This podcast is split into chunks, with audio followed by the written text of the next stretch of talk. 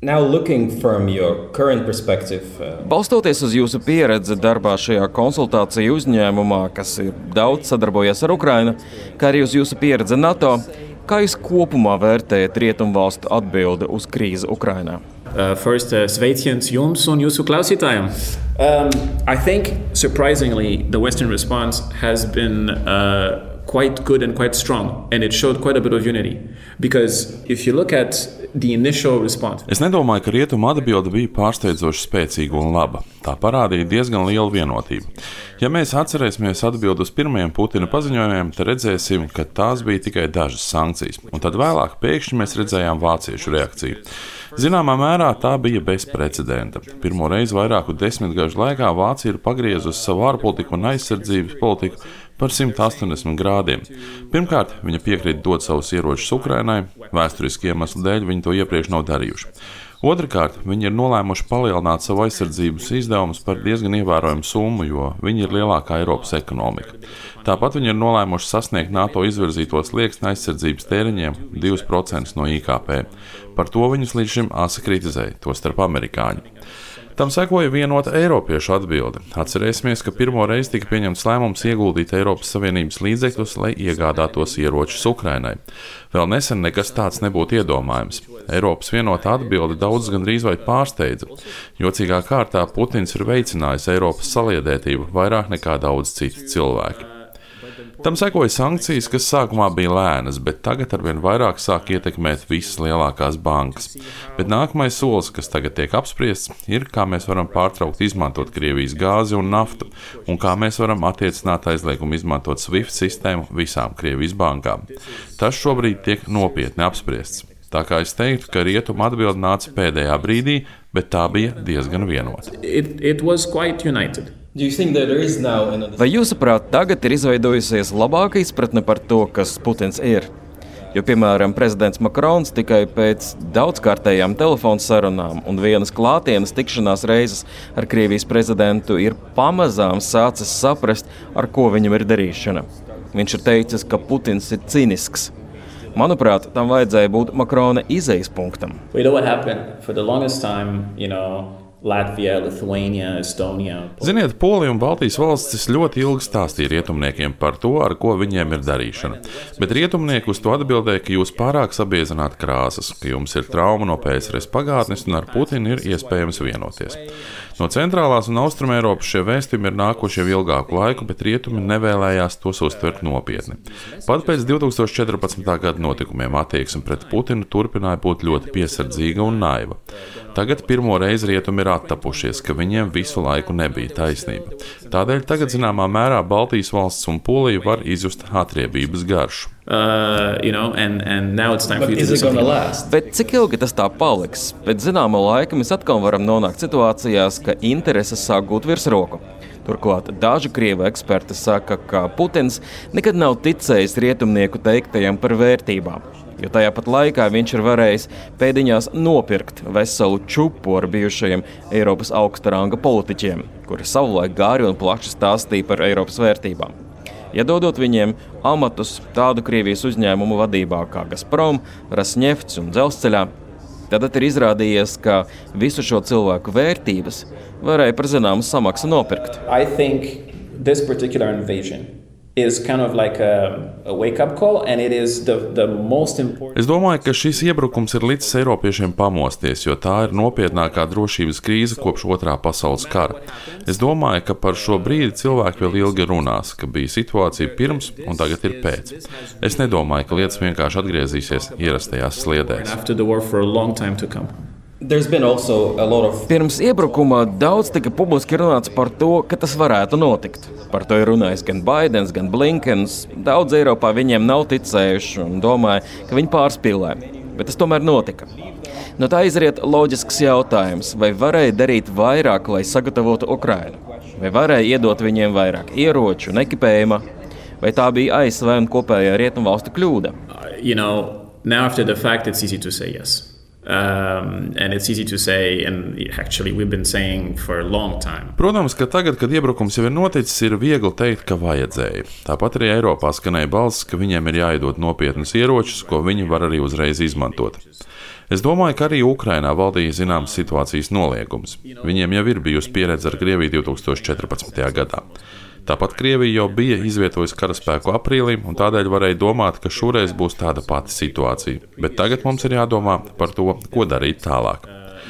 Manuprāt, par spīti visām sarunām par to, ka Polija varētu iedot MiG-29 iznīcinātājus, Mums būtu jādomā par praktiskiem soļiem, ko var īstenot krietni ātrāk. Ir jāskatās, ar ko šis stāsts ar MiG-29 beigsies, jo par to ir bijušas dažādas diskusijas ar amerikāņiem. Bet, jebkurā gadījumā, tam būs vajadzīgi mēneši. Ir jāsaprot, ka MiG-29, ko izmanto Polijā, nav tas pats MiG-29, ko izmanto Ukrainā. Tādēļ paies mēneši, kamēr viņi varēs sākt šīs lidmašīnas pienācīgi izmantot. Tā vietā mums vajadzētu koncentrēt uzmanību uz Stinger un Javelin, jo mēs zinām, ka tie strādā. Līdz šim tie ir bijuši 93% efektivitātes rādītāji. Mēs zinām, ka tie ir palēninājuši Krievijas karaspēku kustību. Viņiem ir jādod nelielus ieročus, ko viņi var sākt izmantot uzreiz. Turklāt Ukrāņi saka, ka viņiem tagad visvairāk vajag ķiveres un bruņu vestes. Tie nav vajadzīgi tikai armijai, bet arī teritoriālās aizsardzības vienībām, kas būtībā ir brīvprātīgie. Līdz šim mēs esam pārsvarā reaģējuši. Tagad mums ir jākļūst aktīvākiem un jādomā, kā situācija varētu izskatīties parīt. Mums būtu jādomā, kā padarīt Ukraiņas armiju veiksmīgu. Vai mēs varam nodrošināt tikpat lielu tanku skaitu arī kā Krievijas armijai? Nē, nevaram. Bet mēs noteikti varam padarīt okupāciju par ārkārtīgi dārgu pasākumu Krievijai. Tā būs dārgāka nekā jebkāda iegūme, ko viņi var no tās saņemt. Tas nozīmē apbruņot Ukraiņas armiju tā, kā tiktu apbruņota nemiernieku armija. Tātad nevis dot viņiem smagus ieročus, ko ir sarežģīti operēt, bet gan mazos. Mēs redzam, ka tagad lielāko kaitējumu nodara gaisa uzbrukumi.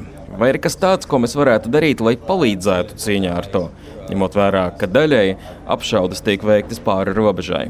Well, some of it is also, I mean, uh, a lot of it is coming from the other side of the border, a lot of it is coming by air. Daļai apšaudas nāk pāri robežai un daļai no gaisa, un tās arvien vairāk nāks no gaisa. Tādēļ ir ļoti svarīga pretgaisa aizsardzība. Zenīta raķetes ir ārkārtīgi nozīmīgas. Ir ļoti svarīgi apturēt bruņojumu konvojus, un te minētie ieroči var palīdzēt. Jo, kā jau es norādīju, daži no šiem ieročiem uzrāda vairāk nekā 90% efektivitāti. Šādu palīdzību ir iespējams sniegt.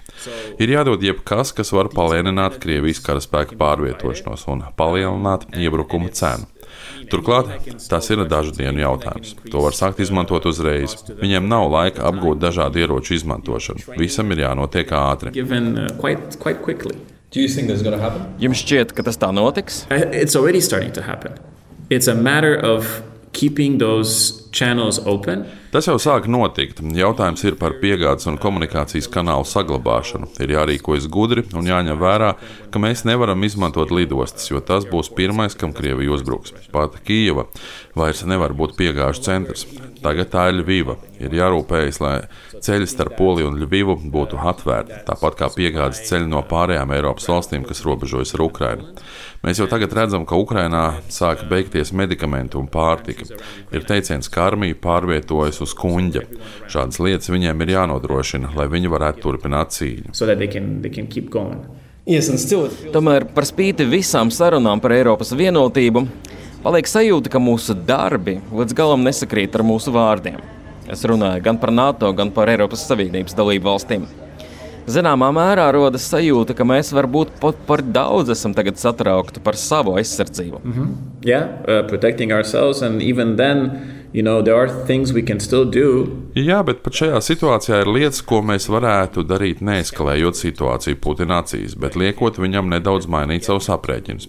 Es minēšu kādu piemēru. Jūnijā Madridē notiks NATO samits. Pirms šīs tikšanās mēs varam darīt divas praktiskas lietas. Zviedrijai un Somijai ir tik augsts karaspēka savstarpējās savietojamības līmenis ar NATO, gandrīz kā alianses dalību valstīm. Madridē viņiem būtu jāspēj pievienoties NATO un jākļūst par pilntiesīgiem sabiedrotajiem. Tas iedod NATO ļoti ievērojams papildus spējas un ņemot vērā, ka Somijai ir robeža ar Krieviju, spēcīgi ietekmētu Putina aprēķinus. Viens no vēstījumiem būtu, jūs mēģināt palielināt savu drošību, iebrukot Ukrajinā, bet patiesībā esat panākuši pretējo. Otrakārt, savulaik Bukarestas samitā tika pieļauta kļūda, jo Ukrainai un Grūzijai tika apsolīta dalība NATO, bet netika piedāvāta nekāda palīdzība. Faktiski šīs valstis tika nostādītas sliktākajā situācijā. Vārdos mēs pateicām, ka gribam viņus redzēt NATO, bet neesam iedevuši viņiem iestāšanās rīcības plānu, kas ir pirmais solis šajā procesā. Mums tas tagad viņiem beidzot ir jādod. Tas nenozīmē, ka viņi uzreiz iestāsies aliansē. Šis process var aizņemt vēl desmit gadus, bet tas būtu simbolisks solis, gluži kā sarunu uzsākšana par dalību Eiropas Savienībā, kas parādītu Putinam, ka viņa rīcība nes pretējs rezultāts, un tādēļ viņam tā ir jāpārtrauc. Pēdējā laikā tiek daudz runāts arī par kodolieročiem. Mēs īsti nezinām, vai Putins atrodas Kremlī vai kādā bunkurā kalnos vai netālu no Sanktpēterburgas. Par to skan dažādas spekulācijas. Cilvēki ir diezgan satraukti. Arī tepat Beļģijā ir satraukums, ka Briselē atrodas NATO galvenā mītne, kas teorētiski varētu kļūt par uzbrukuma mērķi. Ko jūs domājat par šo situāciju? Vai mēs esam gatavi apturēt iespējamo kodolu uzbrukumu? vai arī mums atliks tikai mest bumbu pretī? Well, first of all, we are ready, but at rhetorical level, at the political level, we need to say it. Jā, mēs esam gatavi, bet politikas un retorikas līmenī mums tas ir jāpasaka. Līdz šim mēs esam dzirdējuši nelielu reakciju no Francijas ārlietu ministra, kurš teica, ka viņiem, starp citu, arī ir atomieroči. Bet vajadzētu, lai NATO ģenerālsekretārs iznāk un pasaka, ka Kodolieroči ir ne tikai atsevišķām NATO valstīm, bet arī visa alianse ir apbruņota ar kodolieročiem. Tā ir fakta konstatēšana. Mēs negrasāmies tos izmantot, bet par to ir jāatgādina gluži kā to izdarīja Putins. Jo tagad eskalācijas sviras ir tikai Putina rokās. Tikai viņš lemj, kad uzspiest stingrāk, kad atkal atlaist, kad palielināt uzbrukumus un kad atkāpties soli atpakaļ. Mums arī ir jāsāk nedaudz labāk kontrolēt eskalācijas procesu. Tā var būt arī horizontālā eskalācija, piemēram, uzņemot Somiju. Bet tagad mēs ļaujam viņam izmantot atomieroču draudus, lai mēs neiesaistītos šajā konfliktā un viņa spēki varētu brīvāk rīkoties Ukrajinā. Tas ir tas, kas mums būtu jādara labāk, un tas ir politiskā paziņojuma jautājums. It,